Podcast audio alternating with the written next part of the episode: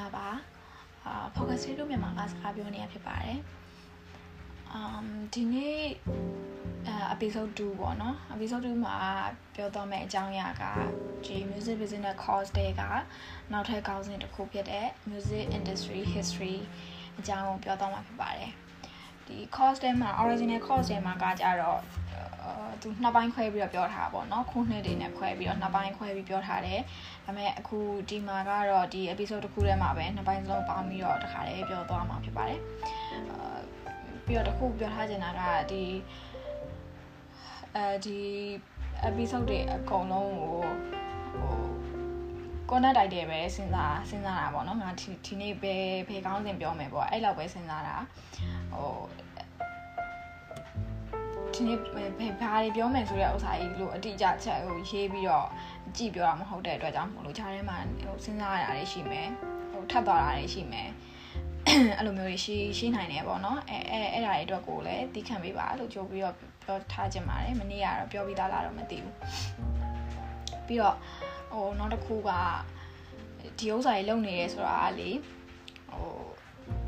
schedule တွေ influencer ဖြစ်ချင်တာလို့လို့ဆယ်လီဖြစ်ချင်တာလို့လို့အဲ့လိုမျိုးကြောင့်လုံးဝမဟုတ်ဘူးဆိုတဲ့ဥစ္စာကိုလည်းဟိုပြောပြထားကြပါတယ်ဆိုတော့ okay အာတော့ပါမယ်ဆိုတော့အာ music industry ဆိုတာကတော့ဒီအနုပညာနဲ့ အဲစီးပွားရေးနဲ့နှစ်ခုကို intersection လောက်ရတဲ့သဘောပေါ့နော်သူကဆိုတော့ तू ကတာမန် business ထက်ပို့ပြီးတော့ခက်ခဲတယ်ပို့ပြီးတော့လည်းဟိုစောင့်စီထိမ့်သိမ်းစင်ကျင်ရတဲ့ကိစ္စတွေများတယ်ကိုကအဲ artist ပဲဖြစ်ဖြစ် artist ဆိုတာကဒီအနုပညာလုပ်တဲ့သူပေါ့နော်အဆိုတော့ဖြစ်ရင်ဖြစ်မယ် player ဖြစ်ရင်ဖြစ်မယ် DJ ဖြစ်ရင်ဖြစ်မယ်အာ something ပေါ့လေတော့ဒီ sound engineer ဖြစ်ရင်လည်းဖြစ်မယ်အဲ့လိုမျိုးလည်းဖြစ်ကောင်းဖြစ်နိုင်တယ်ဒါမှမဟုတ်လို့ရှင်ဒီဘက်ဟို FM မှာဟိုစရေးလုပ်တဲ့ကောင်မလေးတို့ဒါမှမဟုတ် record producer ကြီးလည်းဖြစ်ရင်ဖြစ်မယ်ဟို recording studio ပိုင်းရှင်လည်းဖြစ်ရင်ဖြစ်မယ်ဒါမှမဟုတ်လို့ရှင်ဒီ streaming app တစ်ခုခုမှာကားမောင်းရတဲ့ driver လည်းဖြစ်ရင်ဖြစ်မယ်ဒီဟာတွေအကုန်လုံးကဒီ music industry ရဲ့လူပဲသိလားဆို တော့တနည်းမဟုတ်တနည်းနဲ့တော့ artist တွေနဲ့ဆက်ဆံရမှာပဲကိုက artist ဆိုလဲ artist အချင်းချင်းဆက်ဆံဆက်ဆံရတာရှိမှာပဲကိုက driver ဆိုလဲ artist ဒီလောကထဲမှာလုံနေတယ်များကတော့ဆက်ဆံရတာရှိမှာပဲဆိုတော့ဒီလူတွေကကျန်တဲ့အာရိုးရိုးဒီ brand ကုမ္ပဏီတွေမှာလောက်ရတာထက်ပို့ပြီးတော့ဟိုခက်ခဲတယ်ပို့ပြီးတော့လည်းစိတ်ပင်ပန်းရတယ်ဘာလို့လဲဆိုတော့ artist တွေကရိုးရိုး စီးပွားရေးသမိုင်းနဲ့မတူလို့ artist ဖြစ်ပြီဆိုမှတော့အဲသူတို့တယောက်နဲ့တယောက်ကလည်းမတူပြီးတော့တယောက်ကိုလည်းတစ်မျိုးအဲပေါ့နော်အဲ့လိုအဲ့လိုမျိုးတွေရှိတယ်ဆိုတော့ okay ဟုတ်ပြီအဲ့တော့ဒီလောကထဲမှာဟိုဘလို့အဆင်ပြေအောင်နေရမလဲဘလို့ဘာတွေလောက်ရမလဲဆိုတာလေဒီ course ပြီးရင်တော့အဲ တည်သွားမှာပေါ့နော်အနေနဲ့များတော့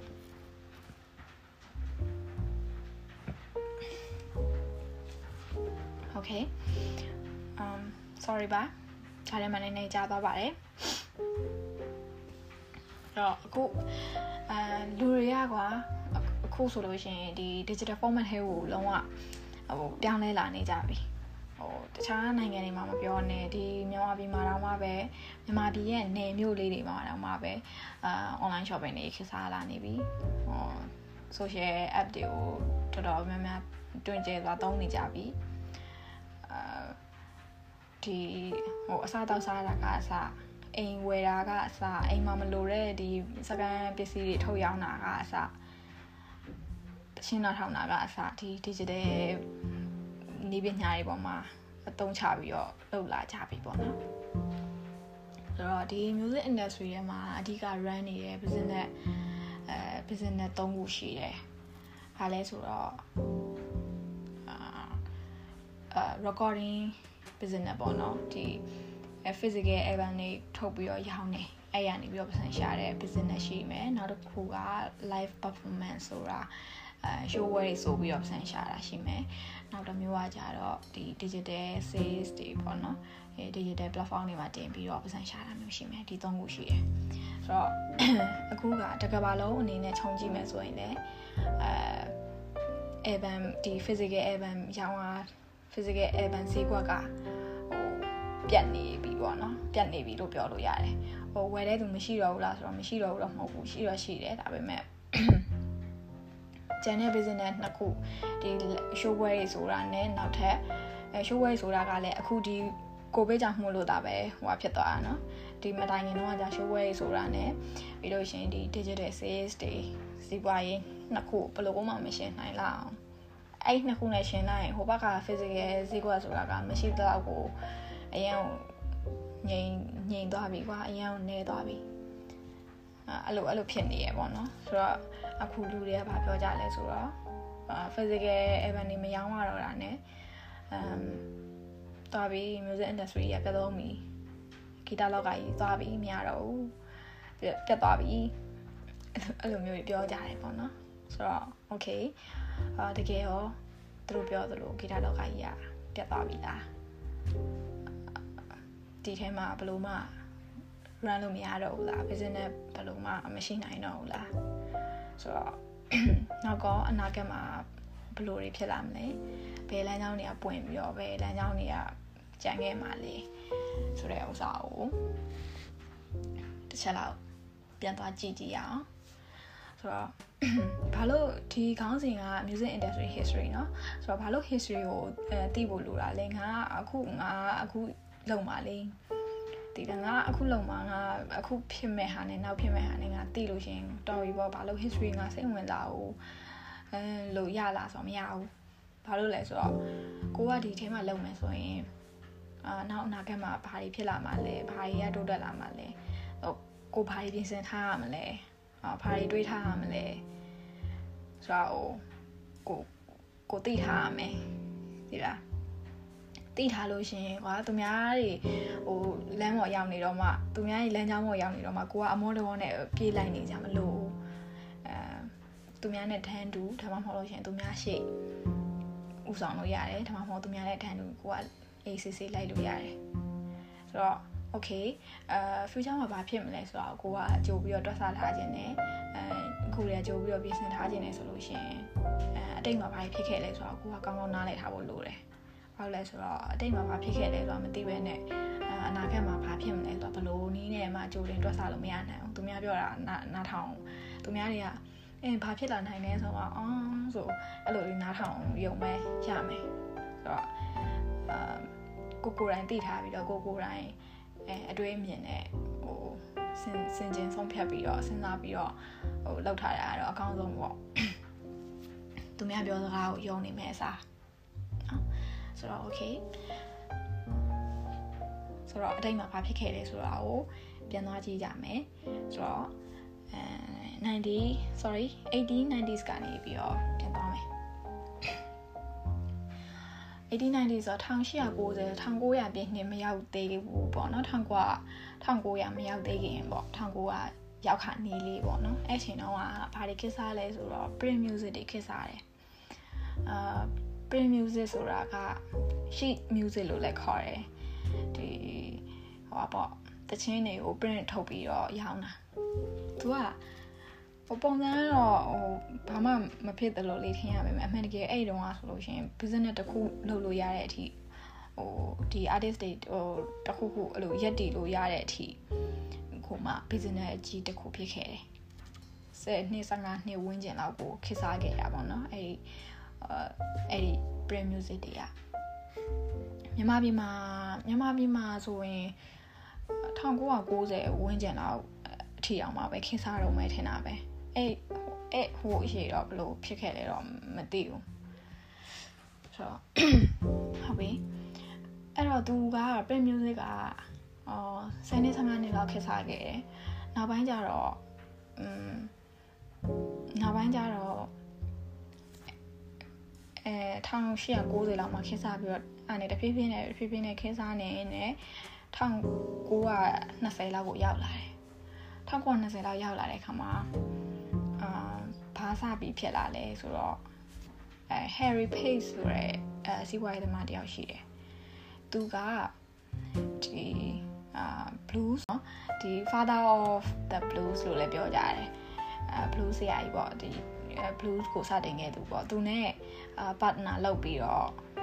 သူတို့ကဒီ record တွေစရောင်းတယ် record ဆိုတာဒီ record company ထောင်ပြီးတော့ record တွေစရောင်းတယ်ပေါ့နော်အာဒီပနိုင်တွေရောင်းတာပေါ့ဒီဓာတ်ဓာတ်ပြပေါ့ဓာတ်ပြတွေစရောင်းတယ်အဲသူကအဲအဲ့ 9020s မှာအဲခေတ်စားခဲ့တာကအဲ blues တွေ blues တွေကမှသူသူတို့နှစ်ယောက်ကဘာလုပ်လဲဆိုတော့ဒီအဲလူမဲအမျိုးသမီးတွေဟို blues တွေဆိုခိုင်းပြီးတော့အာ record လုပ်တယ်ပြီးတော့အဲ့ record တွေပြန်ရောင်းတယ်အဲ့တော့အဲ့90 20ဆိုရင်ကျမှအာ blues music တွေစပြီးတော့ခေတ်စားလာတယ်အဲ့အဲ့ဒါတွေခေတ်စားလာတော့ဟိုဘက်က print music ကတဖြည်းဖြည်းနဲ့အာကျသွားတယ်ကျသွားတယ် အဲ့တော့အဲ့ဒီ blues music တွေခေတ်စားနေရင်လည်း90အာ 30s ပေါ့နော်အဲ့လောက်ရောက်တဲ့ခါကျတော့ဘာဖြစ်လဲဆိုတော့ radio တွေပေါ်လာတယ် radio station တွေပေါ်လာတယ်ပေါ်လာတော့သူတို့ကဒါမဲ့ဆဆပေါ်လာခြင်းတော့ဟာ report တွေပဲလွှင့်တာသတင်းတွေပေါ့နော်သတင်းတွေပဲလွှင့်တယ်တချင်းတွေပိုင်းမပါသေးဘူးဒါမဲ့နောက်ပိုင်းကျတော့အဲ station owner တွေကအော်ငါတို့သတင်းတွေပဲလွှင့်ရတာဟိုဖြစ်လာရေပေါ့နော် ပြင်းလာပြီပေါ့ရိုးလာပြီပေါ့ဆိုတော့ဘာလွှင့်ကောင်းမလဲဆိုပြီးတော့စဉ်းစားတဲ့အခါမှာစဉ်းစားတဲ့အခါမှာ okay ဟိုဘက်မှာဟိုဘန်တွေကလည်းတဖြည်းဖြည်းနဲ့ကျလာပြီဟိုဂီတလောကလည်းတဖြည်းဖြည်းနဲ့ကျလာပြီဟို artist တွေကလည်းအဲ့အချိန်မှာဟိုတိတ်ပြီးတော့အဆင်မပြေတော့ဘူးပေါ့နော်ဈေးကွက်ဈေးကွက်ပြတ်လာတဲ့ခါကျတော့အဆင်မပြေတော့ဘူးဆိုတော့ okay ငါတို့သူတို့ကို ဒီခေါ်လို့ရတာပဲဘန်တွေကိုခေါ်မယ်စတူဒီယိုခေါ်မယ်ပြီးသူတို့ဆိုခိုင်းမယ်ဆိုခိုင်းပြီးရေဒီယိုကနေလွှင့်မယ်ပေါ့အဲ့လိုမျိုးကြီးလုပ်တယ်လုပ်တော့အာအဲ့90 30s လောက်မှာစပြီးတော့အဲ့ radio music ပေါ့နော် radio ကနေပြီးတော့တခြင်းလွှင့်နေတာလေခေတ်စားလာတယ်အဲ့ချိန်မှာဒီ record တွေကမရောင်းရတော့ခုန90 20s လောက်မှာခေတ်စားခဲ့တဲ့ record တွေကဒီ radio တွေပေါ်လာတယ်မရောင်းရတော့အဲ print music တွေကလည်းလုံးဝမရောင်းရတော့ ဆိုတော့ okay um print music တွေမရောင်းရတော့ဆိုတော့ထားပါတော့လူတွေကဟို print ဟိုဖတ်ရတာနဲ့အာဒီတခြင်းကိုနားနဲ့နားထောင်ရတာနဲ့တူမမတူတာဆိုတော့ဒါပေမဲ့ဟို record ဆိုလို့ရှိရင်လည်းဟိုနားနဲ့နားထောင်ရတာပဲလေတခြင်းကိုနားထောင်ရတာပဲအဲရေဒီယိုမှာလာတဲ့ဟာလည်းတခြင်းကိုနားနဲ့နားထောင်ရတာအတန်ကြအတန်နားထောင်ရတဲ့ဟာပဲဒါပေမဲ့ဘာဖြစ်လို့ရေဒီယိုတွေကခင်းစားလာပြီးတော့ ဒီ record ဈေးတွေကကြတော့ကျသွားတာလေအတူတူချင်းပဲကွာအတူတူချင်းပဲကိုဘာဖြစ်လို့တစ်ခုကခစ်စားပြီးတော့တစ်ခုကအရင်ကျသွားတာလေပေါ့နော်စီဝိုင်းသမားတွေအဲ့ဒါကိုစဉ်းစားလာကြတယ်။ Okay ဆိုတော့ဘာဖြစ်လို့လဲ။ဘာဖြစ်လို့ဘာဖြစ်လို့လို့ထင်လဲ။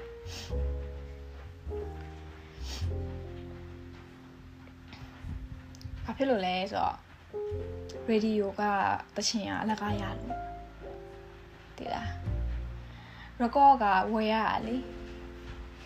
record ကပတ်စံပေးပြီးဝယ်ရတာ radio ကဥစ္စာ free နာထောင်ရတာဟို radio ဝယ်ကတို့ပြီးတော့တက်ခဲတက်ခဲထဲတာတို့ဘာလို့ဒီဒီလောက်ပဲကုန်မှာပေါ့နော်အဲ့ဒါကဒီ record ဝယ်တဲ့ပတ်စံနဲ့ရှင်းလို့ရှင်းဘာမှမပြောပါတော့ဘူးလေဆိုတော့လူတွေကဟို ရတာချင်းအတူတူဆိုလို့ရှင် free ရတာကိုပဲပို့ကြိုက်မှာပေါ့နော် free မရဘူးဆိုရင်တော့မှပဲပစ္စည်းချင်းအတူတူဆိုလို့ရှိရင်ဈေးသက်သာတဲ့ဟာကိုပဲပို့ကြိုက်မှာပေါ့ဈေး fair ဖြစ်တဲ့ဟာကိုပဲပို့ပို့ပြီးလိုချင်မှာပေါ့ဟာအရင်တော့ကကြတော့အရင်တော့ဆိုလို့ရှိရင်အဲဒါ course lesson ထဲမှာတော့မပါပါဘူးဟိုအရင်တော့ဆိုလို့ရှိရင်ဟာ မြန်မာပြည်ကလူတွေကပေါ့နော်ဒီတချင်းတစ်ပုံးမှာ300လောက်နဲ့ရောင်းတာဟာကိုပေးငွေတင်ကြအောင်ဟိုတချင်းဆိုလဲဟို premium နေပါလိလုတ်ပြီးနားထောင်မယ်ဟိုဖုန်းပေလေးဖုန်းပေတွေကနေပြီးတော့ဒီ1000 2000 3000လောက်ပေးရတဲ့ဟာကိုကက်စီနဲနေရပေါ့အမ်ပြီးတော့ဟို Facebook မှာအလကားတင်ပြီးမှ YouTube မှာအလကားတင်ပြီးမှနားထောင်နားထောင်နားထောင်ကြရဲပေါ့နားထောင်ခြင်းနဲ့ပေါ့ဆိုပြီးတော့ဟိုဒေါသထွက်ဖူးတယ်တည်လား မှန်တကယ်ကတော့သူတို့ကိုဒေါသထွက်ရမှာတော့မဟုတ်ဘူးဟုတ်လဲဆိုဒါလူရဲ့သဘာဝပဲအတူတူချင်းဆိုရင်အဲပို့ပြီးတော့တက်တာတဲ့ဟာကိုလိုချင်ကြတာကြီးပဲပြီးတော့ဟိုအချိန်နေနဲ့အချိန်ခါအရာပြီးတော့ education level အရာအဲဝင်ငွေ level အရာပေါ့နော်ပြီးတော့တိုင်းပြည်ရဲ့အခြေအနေအရာပေါ့ဟိုတုံး တုံးမဖြစ်မနေတုံးရမယ့်ဥစ္စာပေါ်မှာပဲပို့ပြီးတော့ဒီတုံးဖို့ပို့ပြီးတော့ဦးစားပေးကြမှာပေါ့အဲ့တော့ဒါအခုနောက်ပိုင်းတော့တစ်ဖြည်းဖြည်းနဲ့နားလည်လာပါတယ်သူတို့ဒေါသမထွက်တော့ဘူးအရင်တော့ကတော့အဲ့လိုမျိုးတွေ့တွေ့ပြီးတော့သူတို့ဒေါသထွက်ခဲ့တယ်ဆိုတော့အမှန်တကယ်တော့ဒါကသူတို့အပြစ်တော့မဟုတ်ဘူးသူတို့ဒီလိုဝင်ငွေကိုဒီသူတို့ရဲ့ပတ်စံကို ဒီလို entertainment တွေပေါ်မှာကောင်းကောင်းသုံးရကောင်းမှန် education မပေးခဲ့တဲ့လူတွေပြီးတော့အာအဲ့လိုအသေးစိတ်ရှိရင်တော့မှာပဲအသေးစိတ်ရှိရင်တောင်မှပဲသုံးလို့ရနိုင်တဲ့ဝင်ငွေအဆင့်တန်းမျိုးဟိုရှိတဲ့ဟိုနိုင်ငံတနိုင်ငံမဖြစ်အောင်လုပ်ခဲ့တဲ့သူတွေကိုအပြစ်တင်ရမှာโอเคထားလိုက်ပါတော့ဆိုတော့အဲ့တော့ ဟို radio က free ရတယ်ဟိုက record ကအစီကြီးတယ်ဆိုတော့အဲ့မှာ record ရောင်းရတွေကကျသွားတယ်ကျသွား radio တွေပဲခက်စားနေခက်စားနေနဲ့အဲနောက်ပိုင်းကျတော့ဘာဖြစ်လာလဲဆိုတော့ပြီးတော့အဲ့ချိန်တုန်းက second world war အချိန်လေး ဒီဒုတိယကမ္ဘာစစ်ဖြစ်နေတဲ့အချိန်ဆိုတော့လူတွေကလည်းဟိုစီးပွားရေးကောင်းပြီးတော့သုံးနိုင်ဆွဲနိုင်တဲ့အချိန်တွေမဟုတ်ဘူးပြီးတော့အများစုကလည်းဒီယောက်ျားလေးအကုန်လုံးကလည်းအကုန်လုံးနှိပါလည်းစစ်ပွဲထဲမှာရောက်နေတဲ့သူတွေကြီးပဲဆိုတော့အဲဒီ entertainment ဘက်ကိုပေါ့နော်ဒီ music ဘက်ကိုဘယ်သူမှအာယုံမလှည့်နိုင်ဘူးပေါ့အဲ့တော့ဟိုအဲ့တော့ဒီပြတ်သုံးလူနီးပါပြတ်သုံးလူနီးပါအခြေအနေပဲပေါ့ လိုမျိုးဖြစ်တယ်အဲ့တော့အဲ့အချိန်မှာလည်းပြောကြပြန်တယ်ဟာဂီတလောကကြီးကသွားပြီဂီတလောကကြီးပြတ်သုံးပြီပေါ့အဲ့လိုမျိုးပြောကြတယ်ဒါမဲ့ပြီးတော့နောက်ပိုင်းကျတော့အာကဘာစစ်ကြီးပြီးသွားတယ်စစ်ပွဲပြီးသွားတော့အမှစစ်သားတွေအိမ်ပြန်ရောက်ကြတယ်အိမ်ပြန်ရောက်လာကြတယ်အိမ်ပြန်ရောက်လာကြတဲ့အချိန်မှာဘာဖြစ်လဲဆိုတော့ instruments ရောင်းအားလုံးဝချက်ချင်းဝုန်းဆို instrument ရောင်းအားတွေတက်လာပြီးတော့ဟို stock တွေအောင်မရှိတော့တဲ့အခြေအနေထိရောက်သွားတယ်အကုန်လုံးကစပွဲပြန်လာကြတယ်ပြန်လာကြတော့ကိုကျွမ်းကျင်ရတချို့ဆိုအာဆက်ကရိုဖုန်းတွေမှုတ်တယ်အာအမှတချို့ဆိုရင် piano တီးမယ်တချို့ကြအဲ့လိုပေါ့နော်ကိုကျွမ်းကျင်ရကျွမ်းကျင်ရပေါ့အမှတီးကြဆိုကြအာဖန်တီးကြပေါ့အဲ့လိုမျိုးလောက်ကြတယ် အဲ့အချိန်မှာပါအဲ့အဲ့လိုမျိုးတွေလောက်ကြရဲအဲ့မှာဒီဂီတလောကပြန်ပြီးတော့စတင်ပြီးတော့ဥမော့လာတယ်ပေါ့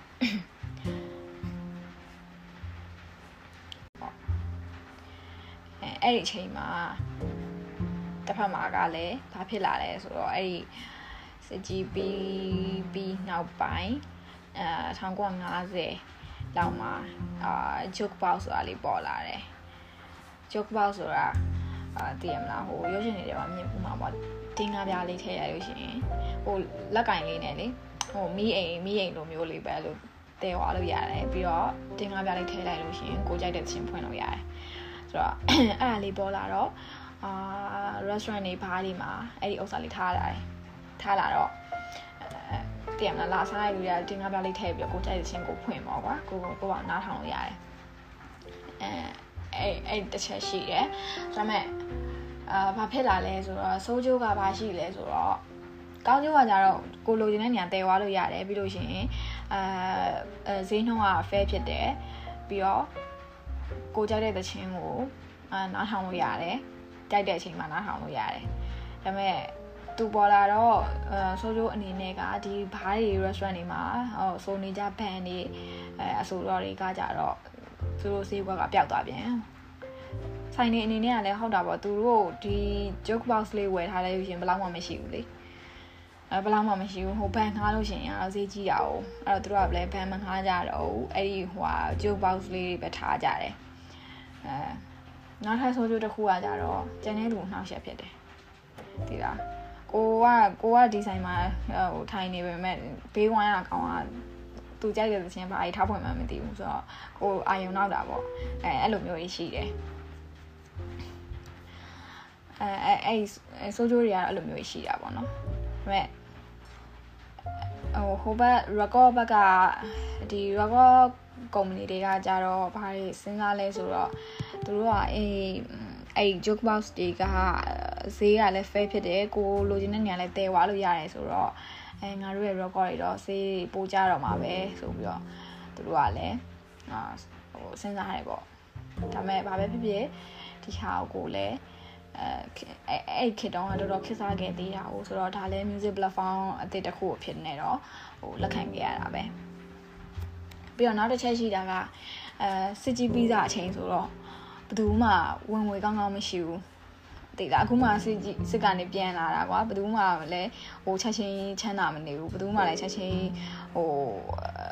အလောက်ကင်နေကောင်းပြီးတော့သုံးနိုင်ဖြုံးနိုင်ဖြစ်မနေဘူးအကုန်လုံးက trauma တွေနဲ့ဟိုတည်မလားခံစားချက်တွေနဲ့ဟိုဆုံးမခဲ့ရတာတွေနဲ့အနေထားယုံတွေနဲ့အဲဒါမျိုးတွေနဲ့ဟိုဖြတ်တန်းလာခဲ့ရတဲ့သူတွေဆိုတော့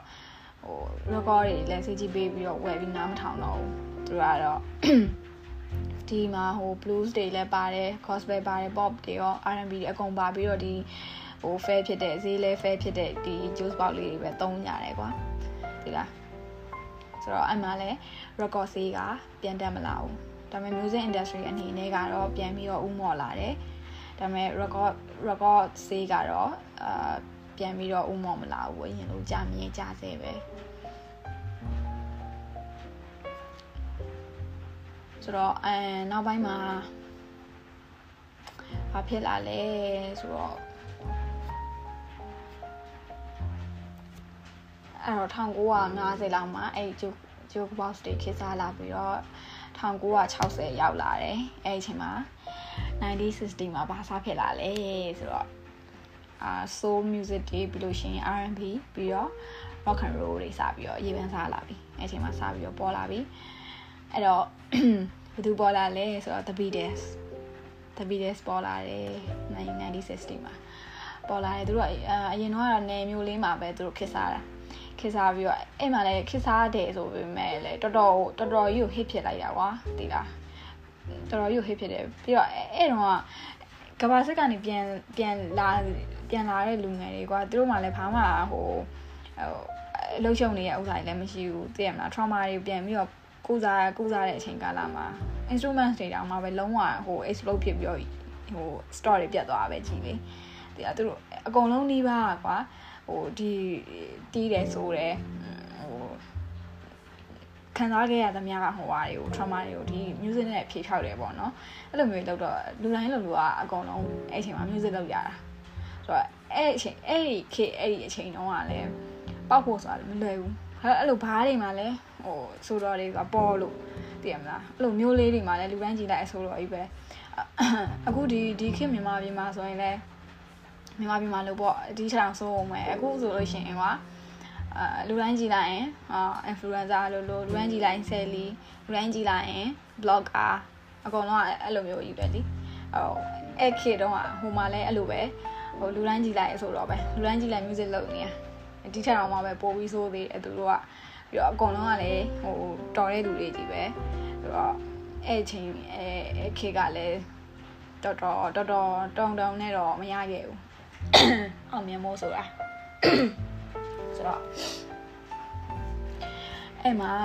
သူတို့ကနေပြီးတော့အဲနေမျိုးလေးမှာရင် hit ဖြစ်တယ်ပေါ့နော် hit ဖြစ်တော့နောက်ပိုင်းကျတော့သွားမယ်ကွာငါတို့အမေရိကသွားမယ်ဆိုပြီးတော့အမအမေရိကကိုရောက်လာရောက်လာပြီးတော့အမအခွေထုတ်တယ်အမ ဘာနဲ့မှမတူတဲ့ဘယ်သူနဲ့မှမတူတဲ့အရန်ခန္ဓာကြည့်ကြတော့အဲ့ပန်တစ်ချက်ပေါ့နော်အဲအဲအဲ့ဒါပေါ်လာတယ်ပြီးတော့ဒါအရန်ပေါက်သွားတယ်ပေါ့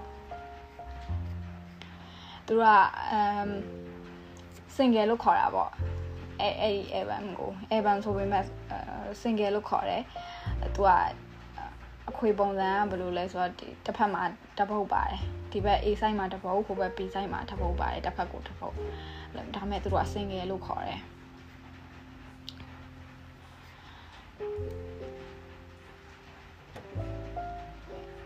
အဲ့1960လောက်ကနေပြီးတော့စပြီးတော့ခေတ်စားလိုက်တဲ့ rock တွေ R&B တွေကဆိုလို့ရှိရင်1980နဲ့ဟိုနောက်ပိုင်း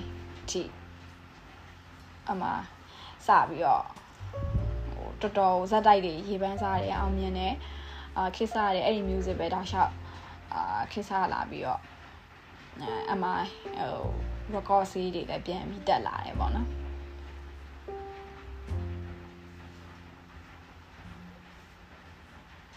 ပြီးတော့1960ဝန်းကျင်လောက်မှာနောက်ထပ်ဘာတစ်ခုပေါ်လာလဲဆိုတော့ audio tape ဆိုတာပေါ်လာတယ် audio tape ဆိုတာဒီ ဗနိုင်းမှာဗနိုင်းကဟိုတခြင်းတွေကို audio tape configuration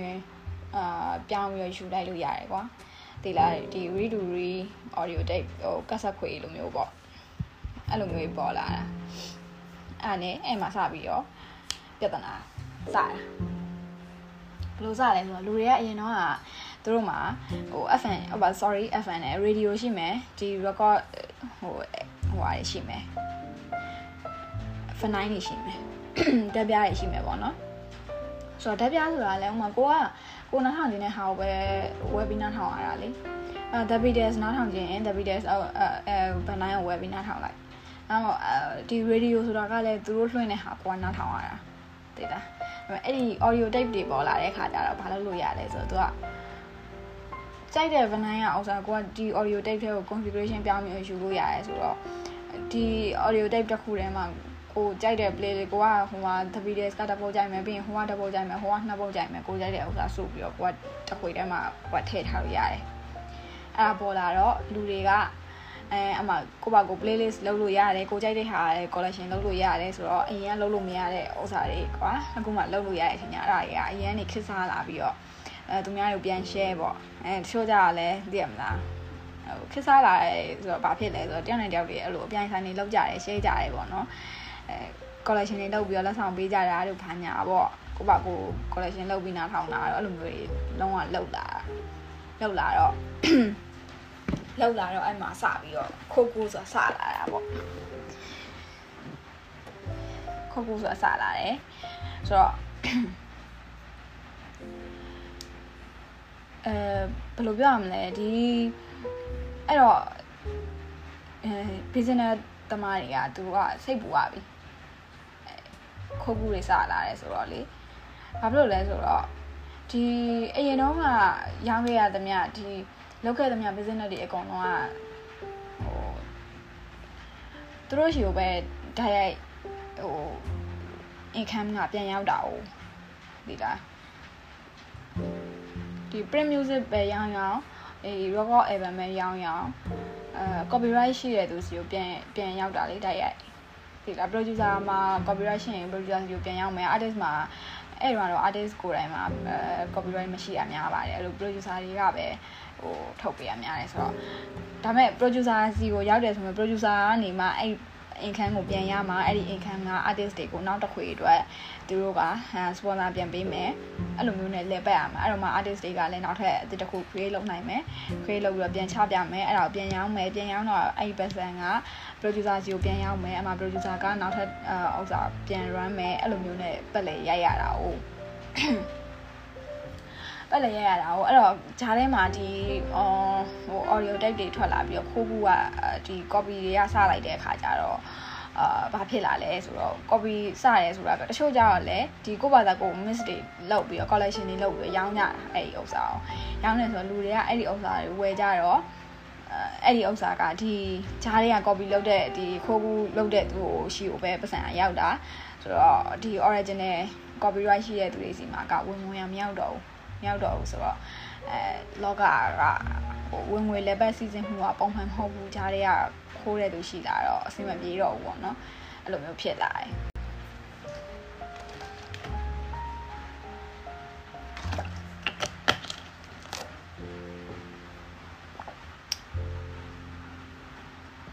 အဲ့လိုဖြစ်လာပြီးတော့နောက်ပိုင်း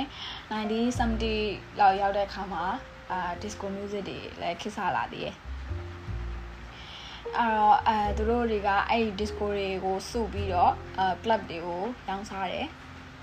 အာ club တွေကလည်းအဲ့ဒီဥစ္စာတွေဖွင့်တယ်တညလုံးဖွင့် non story ဖွင့်အဲ့မှာဘာဖြစ်လာလဲဆိုတော့အဲအဲ့အဲ့ original course ကဆရာပြောတာကြတော့ disco music ကတဲ့သူ့ရဲ့ metronome အတိုင်းပဲတဲ့ metronome ကလည်းမြန်နေမလားအဲ့တော့ သူကခေတ်စားလာလည်းမြန်နေပြီးတော့နောက်ပိုင်းပြန်ကြသွားလည်းမြန်နေသူက80 90 70ကျော်ကျော်လောက်မှခေတ်စားပြီးတော့88လောက်ကြတော့လုံးဝကိုရက်သွားပြီသူသူဟစ်ဖြစ်တဲ့အချိန်ခဏလေးပဲမြန်မြန်ခေတ်စားပြီးတော့မြန်မြန်ရိုးသွားကြတာပေါ့ချို့လူတွေကအမှအဲ disco music တွေ ရက်သွားတယ်ဆိုတော့ပြောကြပြန်ဟာဂီတလောကရက်သွားပြီပြသုံးသွားပြီပြောကြပြန်တယ်အမှန်တကယ်ကတော့မဟုတ်ပါဘူးအဲ့တော့လည်းမပြတ်သုံးပါဘူး1980လောက်ရောက်တဲ့အခါမှာနောက်ထပ်အရွေးတစ်ခုရောက်သွားတာဒါအရွေးလဲဆိုတော့1980မှာအာဆိုနီကနေပြီးတော့ဒီ portable ကက်ဆက်လေးကိုထားထွင်တယ်အဲ့ဒါကနောက်ထပ်အရွေးတစ်ခုဖြစ်လာတယ် အဲ့တော့အဲဒီ Walkman cassette ပေါ့နော်အဲ့ဒီဥစ္စာကအဲ့ထက်ထည့်ပြီးတဲဝါလို့ရတယ်ဒီဒီဟိုမနက်ကက်ကဆက်ပေါ့ဒီမှာခေါ်တာကတော့အဲ့ထက်ထည့်ပြီးတဲဝါလို့ရတယ်ကြိုက်တဲ့အချိန်နားထောင်လို့ရတယ်ဆိုတော့အဲ့ဒါလေးကပြန်ပြီးတော့ဟိုဥမော်လာတယ်အဲပြန်ခေတ်စားလာတော့မှဂီတလောက်ကကြီးပြန်ပြီးတော့ဖြစ်လာတယ်ပေါ့နော် နောက်ပိုင်းအာ1981 82လောက်မှာ music video တွေလည်းပေါ်လာတယ်အဲ့မှာစပြီးတော့ရေပန်းစားတခြင်းတွေပေါ်လာတယ်ပြီးတော့ဒီ artist ကောင်းတွေလည်းအများကြီးထွက်ခဲ့တယ် 1980s ဝန်းကျင်မှာလေအဲ Michael Jackson တို့ပါလို့ဆိုလဲဒီ 1980s မှာပေါ်ခဲ့တဲ့သူတွေပဲပြီးတော့နောက်ပိုင်း1980မှာဘာပေါ်လာသေးလဲဆိုတော့ CD တွေပေါ်လာပြီဆိုတော့ CD တွေကဘယ်လိုဖြစ်လဲဆိုတော့သူကဒီ vinyl တော့မလို့ရှိရင်အဲ့ဒီ cassette အခွေရဲ့သုံးစာရှိတယ်သူ့ရဲ့ဈေးက CD ရဲ့ဈေးရလေ CD ကဈေးကြီးတယ်ဆိုတော့အမ်ဒီ radio နဲ့အဲ record album မှာတော့အားမှာပဲ free ရတဲ့ radio ကပဲခစ်စားတာကွာဒီလားဟို record album တွေကအမှပြတ်ကြံခဲ့ရလေဆိုတော့ ဒါမဲ့ तू ကကြတော့အတူတူပဲမို့လို့အာ quality ချင်းအတူတူပဲမို့လို့လူတွေက free ရတဲ့ဟာကိုပို့ပြီးတော့ကြိုက်ကြတာအဲအခု CD တွေပေါ်လာတဲ့အချိန်မှာဘယ်လိုဖြစ်လဲဆိုတော့အဲ့တုန်းကလူတွေက CD ဆိုတာမမြင်ဘူးသေးဘူးမြင်ဘူးသေးခင်သူတို့ထောက်လျှောက်မှာ radio လွှင့်တဲ့ဟာလေးနားထောင်ရတယ်ပြီးတော့ဟို juke juke box ကဥစားလေးနားထောင်ရတယ်ပြီးတော့အဲဒီကက်ဆက်ခွေတွေက quality လေးတွေကိုပဲနားထောင်ပြီးတော့ အဟုတ်ကြီးမှတ်ပြီးတော့ရှင်တန်ကြီးပြင်းလာရတဲ့သူတွေက CD က quality ကိုနားနားထောင်လိုက်တော့ဟာအဲ့မှာကွာအရင်ဟောဖြစ်သွားတာတိလား तू ကဈေးတော့ကြီးတယ်ဒါပေမဲ့သူ့ရဲ့ quality ကဈေးကြီးရအောင်မမှုတော့ဘူးပါတိလားအဲ့ဆရာကဆိုလို့ရှိရင်သူရဲ့ပထမဆုံးဒီ Michael Jackson ရဲ့ CD ကိုသူပထမဆုံးနားထောင်နားထောင်လိုက်တော့သူလည်းအရင်တော့နားမထောင်ဘူးခင်ရတော့ဟဲ့ဟိုကက်ဆက်ခွေထက်ဟို3စာလောက်ပိုဈေးကြီးတယ်ဥက္ကငါ CD တစ်ချက်ဝယ်မယ်ဆာကက်ဆက်ခွေ3ခွေပဲငါဝယ်လိုက်မှာပေါ့ဘာလို့အဲဒီ CD ကိုဝယ်ရမှာလဲဆိုပြီးတွေးခဲ့ပြီးဒါပေမဲ့သူတကယ်တကယ်တမ်းနားထောင်မယ်ဆိုတော့မျက်လုံးမှိတ်ပြီးတော့အဲ့ CD ကအတန်ကိုနားထောင်လိုက်တဲ့အချိန်မှာဟိုသူကိုယ်တိုင်အာမိုက်ကယ်ဂျက်ဆန်ရဲ့စတူဒီယိုထဲမှာသွားပြီးတော့ အဲလူလူလူချင်းတွေ့ပြီးဆိုပြနေရတာနားထောင်နေရတယ်လို့မျိုးပဲပေါ့နော် quality ကအဲ့လောက်ထိကွာတယ်ပေါ့ဆိုတော့အဲမှာသူသိလိုက်တယ်အဲဒါနောက်ပိုင်းဒီ trend တစ်ခုဖြစ်လာအောင်မဲ့ product ပဲဆိုပြီးတော့ဆိုတော့စီးပွားရေးသမားတွေကလည်းအဲ CD ကဒီအကျိုးပဲပျက်စီးမလွယ်ဘူးပေါ့နော်အဲမိုက်တဲ့ဟို quality လည်းကောင်းတဲ့ဒီ sound quality ကောင်းတဲ့ digital ပစ္စည်းတစ်ခုပေါ့အဲနောက်ပိုင်းနောက်ပိုင်းမှာကျတော့ label တွေကလည်းအတွေ့အကြုံတွေရလာတယ်အမှအာစီးပွားရေးလုပ်ငန်းတွေကလည်းဒီ music industry ကိုပဲစောက်ချပြီးတော့ဟိုအဓိကထားပြီးတော့လှုပ်လာကြတာပေါ့နော်နောက်ပိုင်း1990 2000ဝန်းကျင်ရောက်တဲ့အခါမှာ CD တွေတဖြည်းဖြည်းနဲ့ပို့ပြီးတော့ရေပန်းစားလာတယ်အဲ ရေပန်းစားလာပြီးတော့ဒီ fenile နေကဆက်ခွေတွေပျောက်သွားပျောက်သွားတဲ့လောက်ဖြစ်လာတယ်အဲ1990မှာဆိုလုံးဝလုံးဝဟိုအမခံပဲလို့ရောင်းရတယ်ပေါ့နော်အဲ့တော့အကျိုးဆက်ကဘာတွေဖြစ်လာလဲဆိုတော့ဒီထုတ်လုပ်ရေးကုမ္ပဏီတွေဖြန့်ချိရေးကုမ္ပဏီတွေကကြတော့လုံးဝဆရာကြီးဆရာကြီးတွေဖြစ်လာတယ်ဆရာကြီးတွေဖြစ်လာတယ်အာအရန်နေရောင်းရတယ်အကျိုးမြတ်တွေအရန်ရတယ်အာ သူတို့ပို့ပြီးတော့ဟိုချဲ့ထွင်မှုလောက်လာကြလောက်လာကြရတယ်ပေါ့နော်အဲ့မှာစီရီတွေကလည်းအရန်ရောင်းရတယ်အဲ့ဒီအရန်ရေပန်းစားလာပေါ့ကွာအဲ့ဒီဟိုဖန်ချီလုပ်ငန်းတွေလည်းအရန်နေရေပန်းစားလာလူတွေက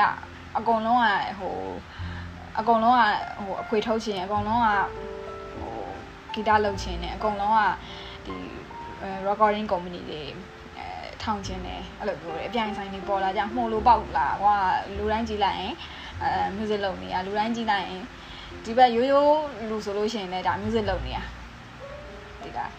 ဟိုပြည့်တယ်မရှိတော့ဘူးသိတယ်မလားဟိုဂီတသမားနဲ့ဒီ producer တွေပဲရှိတော့တယ်အဲ့လိုအဲ့အဲ့လောက်ထိကိုမှုလို့ပေါက်လာတာအဲ့လိုမျိုးတွေဖြစ်လာတယ်ဟိုဒီလောကထဲမှာကျင်လည်တဲ့သူတွေအရန်ကိုဖောင်းပွားလာတယ်ဒါမဲ့လည်း ဟိုဖောင်းပွားလာတယ်ဟိုမှုလို့ပေါက်လာတယ်ဆိုပေမဲ့လည်းအကောင်လုံးကအောင်မြင်နေရလားဆိုတော့လေဟိုအာခုနအရှိမပြောခဲ့သလိုပဲဟိုညားတာများတာဒါမဲ့သူတို့ခေသူတို့ခါအကုန်လုံးကလည်းဟိုတော်တဲ့သူတွေကြီးပဲဆိုတော့ဟိုလွယ်တော့မလွယ်ဘူးအဲလွယ်တော့မလွယ်ဘူးအောင်မြင်ဖို့ဆိုတာတော်တော်ကိုစူးစမ်းမှတော်တော်ကိုတော်တဲ့သူမှဟိုပေါက်လာကြတာပြီးတော့လဲဟိုပါလေ နောက်တစ်ခုကဒီ CD တွေရောင်းအားတက်လာတယ်ဆိုတာကဈေးလဲသုံးစာပိုကြီးရတဲ့ရောင်းအားတက်လာတယ်ဆိုတာကအဲသူက90အာဟိုရောက်ပြီလေ90 70ရောက်ပြီ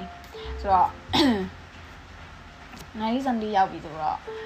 အရင်တော့ကဒီ record album တွေရောင်းဝကြခဲ့တဲ့အချိန်တော့1950တော့ အဲ့ချိန်တော့စစ်ပွဲပြီးကစားကွာအရှိမှပြောခဲ့သလိုပဲလူတွေကအခုမှစစ်ပွဲကနေပြန်လာတာဘာအလောက်ကင်မှလည်းကောင်းကောင်းမရှိဘူးဝင်ငွေလည်းမရှိဘူး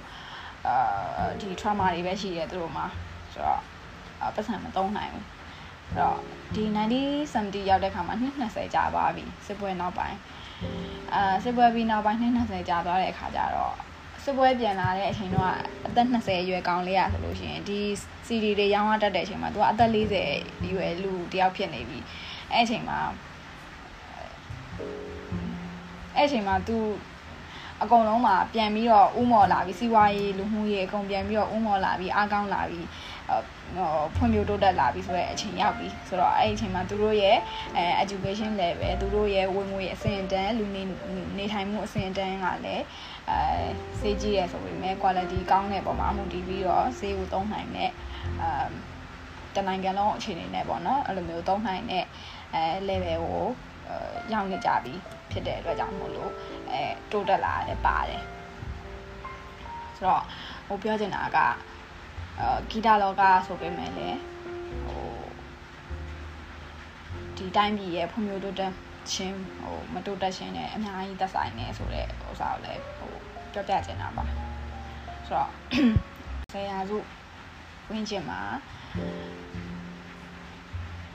CD တွေရောင်းဝတက်လာတယ်အဲ record company တွေကလည်းအကျိုးမြတ်တွေအရင်ရလာတယ်ပုံမှာသူတို့ဘယ်တော့မှအာဒီဒီလက်ပတ်စီစဉ်မှုကြီးอ่ะသူတို့အောင်မြင်မှုကြီးอ่ะ ဒီခေတ်ကောင်းနဲ့ခေတ်အကောင်းဆုံးအချိန်ကာလကြီးอ่ะဘယ်တော့မှမပြီးဆုံးတော့ဘူးလို့သူတို့ထင်နေရမှန်တကယ်ကတော့ဟုတ်ပါဘူးအခုဆိုရင်စီးဘူးမှမဝယ်မဲ့လို့မရှိတော့တာအဲ့တော့ဒါပေမဲ့အဲ့တုန်းကတော့သူတို့ကအရင်အရင်ကြီးတွေဟိုတချိန်ချိန်မှာဒီလိုမျိုးအဲခေတ်ခေတ်ပြတ်သွားမယ်လို့ထင်ကြမရှိတော့အောင်အဲ့တုန်းကအဲ့လိုအောင်မြင်ခဲ့တဲ့အချိန်ကာလတွေပေါ့နော် ဆိုတော့ okay ဆိုတော့နောက်ပိုင်းနေမှာနောက်ထပ်အဲဘယ်လိုတွေဖြစ်လာမလဲဘာတွေပြောင်းလဲလာလဲဆိုတာကိုဆက်ပြီးတော့ပြောပါပါမယ်ဆိုတော့ဒီနေ့အပိုင်းကတော့ဒီလောက်ပါပဲကျေးဇူးတင်ပါတယ်